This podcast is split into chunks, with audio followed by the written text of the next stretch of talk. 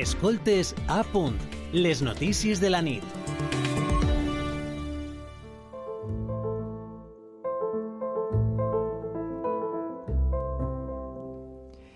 I el Parlament Europeu complix 70 anys i els eurodiputats i les eurodiputades han commemorat la creació el 1952 de l'Assemblea Comuna Comunitat Europea del Carbó i de la Cera. La primera Assemblea Comuna Europea va estar formada per 78 parlamentaris designats pels estats membres, que en aquell moment eren 6, però el 1958, amb la creació de la Comunitat Europea de l'Energia Atòmica, va començar a anomenar-se Assemblea Parlamentària Europea. Va ser el 1962 quan ja va adquirir la denominació actual Parlament Europeu. Els escons han anat ampliant-se amb la incorporació de nous socis, fins als 705 eurodiputats que té actualment, elegits democràticament pels ciutadans i les ciutadanes dels 27 estats membres. És l'únic Parlament transnacional elegit directament, és multilingüe, hi ha reconegudes 24 llengües oficials i multipartidista amb 7 grups parlamentaris que s'agrupen per afinitat ideològica. Cal 23 diputats per a construir un grup polític, tot i que hi ha diputats que formen part dels no inscrits. Tot i l'eixida del Regne Unit, hi ha cua per a entrar. Candidats potencials, però que encara no compleixen els requisits necessaris per a ingressar en la Unió Europea són Bòsnia i Herzegovina, Geòrgia i Kosovo. I en procés d'incorporar-se es troben Albània, Moldàvia, Montenegro, Macedònia del Nord, Sèrbia, Turquia i Ucraïna. Segons s'incorporen nous estats, s'ampliaran els eurodiputats i diputades. A Espanya hi ha dos representacions del Parlament Europeu, una a Madrid i una altra a Barcelona. A la seu de Madrid, la directora és Maria Andrés i esta nit està amb nosaltres per acostar-nos un poc més a aquesta institució que decideix tantes coses en les nostres vides i que tan desconeixem. Bona nit, buenas noches. Buenas noches, encantada de acompañaros. Igualmente, de poder escucharla. ¿Cuál es el trabajo de las sedes en cada país miembro?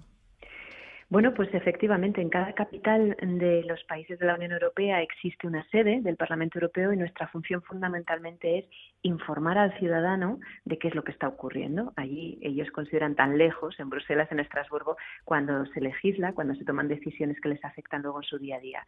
Y además, desde hace ya, por lo menos vamos a decir, en la última década, con más ímpetu y con más hincapié, intentar abrir vías de diálogo, diálogo con periodistas, con asociaciones, con cualquier eh, empresa que pueda tener un interés en una legislación, para que no seamos solo nosotros los que le contamos qué es lo que está ocurriendo allí, sino que ellos nos puedan trasladar también su opinión en aquello que les afecta. Oye, vais a legislar sobre el futuro de la política agrícola común y yo no tengo un lobby activo en Bruselas. Yo quiero contarte cómo me afecta a mí en mi día a día y qué es lo que yo quiero que se legisle. Pues todas esas opiniones se trasladan al Parlamento Europeo a través de eventos, conferencias, seminarios que organizamos en nuestra oficina. Es importante dar a conocer el trabajo del Parlamento Europeo y, sobre todo, cómo lo cómo acercan a la ciudadanía las instituciones europeas y, y su trabajo, aparte de lo que nos ha explicado. Sí, es, eh, yo creo que es fundamental. Es fundamental porque es que cada vez tenemos más retos globales. Y cuanto más globales son los retos, la única solución que cabe es la que se obtiene a través de una concertación de todos los países en la Unión Europea, a través de sus instituciones. Entonces, fíjate, hace unos años nadie se hubiera imaginado que, que durante la pandemia esta solución de inventarse una vacuna, apostar por ella, eh, pagar a seis farmacéuticas para que desarrollaran en su carrera en la investigación y luego distribuirla a todos los Estados miembros fuera algo que pudiera ser competencia de una institución europea, porque no teníamos competencia en materia de salud. Pero conforme van saliendo los retos, pues eh, eh, y son retos globales que nos afectan a toda la Unión Europea, nos damos cuenta de que la mejor manera de resolverlos juntos. Y ahí el Parlamento Europeo ha ido ganando en competencia, en poderes legislativos, eh, tiene también el poder presupuestario, que es muy importante a la hora de fijar prioridades, y claro, cada vez se legisla sobre más materias y sobre más temas. Y yo creo que el ciudadano eso es algo que percibe. El problema es la diferencia entre saber que algo es importante y saber cómo funciona, que ahí es donde suspendemos los españoles. Entendemos desde la crisis, financiera del 2008 yo creo que entendemos todos muy bien que lo que se cuece en Bruselas es importante, que las decisiones que se toman no van a acabar afectando muy directamente, pero luego nos perdemos en el cómo, quién decide qué, qué es un eurodiputado, qué es la Comisión Europea, por qué se decide algo en una cumbre a las tantas de la mañana y qué papel tiene después el eurodiputado para trasladarlo a una ley. Y ahí, en ese procedimiento, que es verdad que es aburrido, que es verdad que los ciudadanos muchas veces tampoco conocen cómo funciona el Congreso de los Diputados en España por dentro, pero, pero como se pierden tanto ahí, mm, empiezan a desconocer el cómo y acaban por desconfiar en lo que nos llega y, en el conocimiento que se tiene de las instituciones. Y eso es lo que intentamos hacer, evidentemente, desde la oficina. Intentar explicar, hacer pedagogía. Tenemos, eh, además de las charlas y seminarios que yo comentaba, pues intentamos organizar actividades con las escuelas. Tenemos todo un programa de colegios, de escuelas embajadoras, donde los chavales del instituto organizan actividades y aprenden qué es la Unión Europea de manera muy práctica. Tenemos eh, convenios de colaboración con asociaciones de jóvenes también para que vengan y organicen ellos sus propios eventos. Intentamos abrir diálogo con muchas entidades y grupos de interés y esperamos que eso sea un poco, bueno, como no sé, como la lluvia fina, ¿no? Que a base de organizar eventos, a base de hablar, a base de dialogar, consigamos que la gente entienda cada vez un poquito mejor qué es esto de la Unión Europea y por qué es tan importante el Parlamento. Eh, también después, ¿no? El boca a boca, a partir de esos encuentros, ¿no? Esas reuniones, esas actividades eh, con asociaciones, con grupos escolares, como estaba comentando. Supongo que eso también funciona muy bien. Em, ¿Les preguntan muchas veces por los sueldos que ganan los eurodiputados? Pues mira, es verdad. Yo llevo muchos años, eh, primero como jefa de prensa y después como directora de la, de la oficina aquí en Madrid, ¿no? que tiene su sede en Madrid.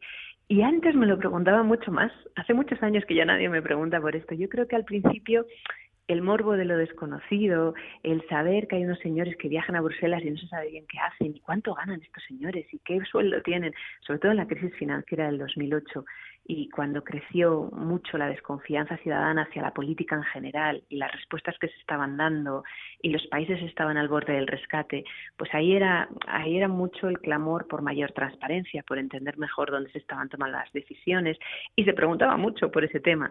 Y la verdad es que es un tema que es totalmente transparente, que está regulado. Yo te puedo contar que un eurodiputado gana el 38,5% de lo que gana un juez del Tribunal de, de Justicia de la Unión Europea y eso asciende más o menos eh, el salario eh, em, antes de, impuestos, porque los eurodiputados, por supuesto, pagan impuestos también en, Bruselas, a unos 9.300 euros. Y ya está. Y yo, es, es verdad, es mucho dinero, están muy bien pagados, pero es que la política em, yo creo que tiene que estar bien pagada. Y yo creo que los eurodiputados que se pasan el día viajando a Bruselas, eh, teniendo reuniones maratonianas, encontrándose con un montón de gente y negociando cosas en las que nosotros nos jugamos el futuro, pues tiene que ser gente competente. Y para que sea gente competente tenemos que atraerles también con unas buenas condiciones laborales, como en cualquier empresa, cuando uno quiere conseguir al mejor CEO, ¿no?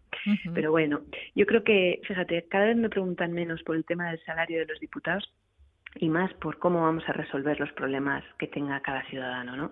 Oye, esto de las vacunas, ¿cómo ha sido? ¿Cómo ha funcionado? ¿O qué vais a hacer para proteger a los refugiados ucranianos que llegan? ¿O cómo voy a protegerme yo si luego no consigo pagar la factura de la luz y qué estáis haciendo para resolver el tema del precio de la energía?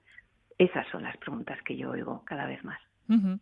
Una última pregunta, María Andrés. ¿Hacia dónde se dirige la Unión Europea?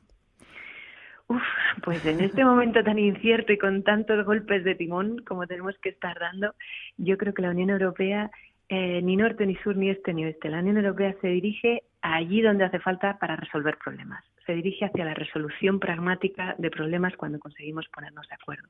Es verdad que llevamos muchos años intentando posicionarnos. ¿Cuál es el papel de la Unión Europea en, esa relación cada vez más tensa que hay entre Estados Unidos y China, o qué vamos a hacer con Rusia, ¿no? Cuando empezaban las hostilidades hace años, ahora ya eh, todavía pues más clamor para, para posicionarnos de manera mucho más eh, contundente ¿no? Con, con, con, respecto a Rusia. Pero yo creo que, fíjate, el pragmatismo de la Unión Europea es lo que nos hace ganar puntos y velocidad de crucero en un mundo tan incierto. Y, y yo diría que más que posicionarnos en un punto geoestratégico del, del globo, del mapa, nos estamos sabiendo posicionar, y eso es muy importante, con una imagen robot de la sociedad que queremos. Por ejemplo, eh, decimos que queremos liderar la lucha contra el cambio climático, pero es que realmente la estamos liderando, con leyes, con iniciativas, con fondos. Decimos también que queremos ser líderes en solidaridad. Somos el, eh, el, continente que con diferencia más vacunas ha donado al tercer mundo y que más solidaridad interna también tiene en forma de cohesión. Decimos que queremos liderar el bienestar social, y salga usted a otros países, incluso eh, países eh, que ya que ya, ya están consolidados en su progreso, como Estados Unidos, y cuénteme después qué, qué, cobertura sanitaria se tiene, ¿no? Por ejemplo. Y por último, y más importante, decimos, perdón, decimos siempre que queremos liderar en democracia, en valores, en Estado de Derecho y, yo creo que también lo estamos demostrando con las decisiones que se toman día a día. Así que yo creo que vamos hacia ahí, hacia ese liderazgo en ideas, en valores que, que hacen que Europa, pues hace mucho tiempo que ha dejado de ser un conjunto de fronteras y un sitio geográfico para convertirse en una idea. Una idea que hay que seguir defendiendo.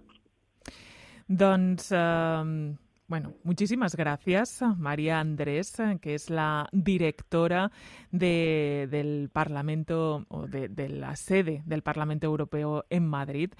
Y confiemos que sí, que la Unión Europea continúe dando pasos uh, firmes para que la sociedad en su conjunto de los 27 Estados miembros sea cada vez uh, pues un poco o que viva cada vez un poco mejor. Muchas gracias. Gracias a vosotros. Buenas noches. Escoltes a punt, les notícies de la nit.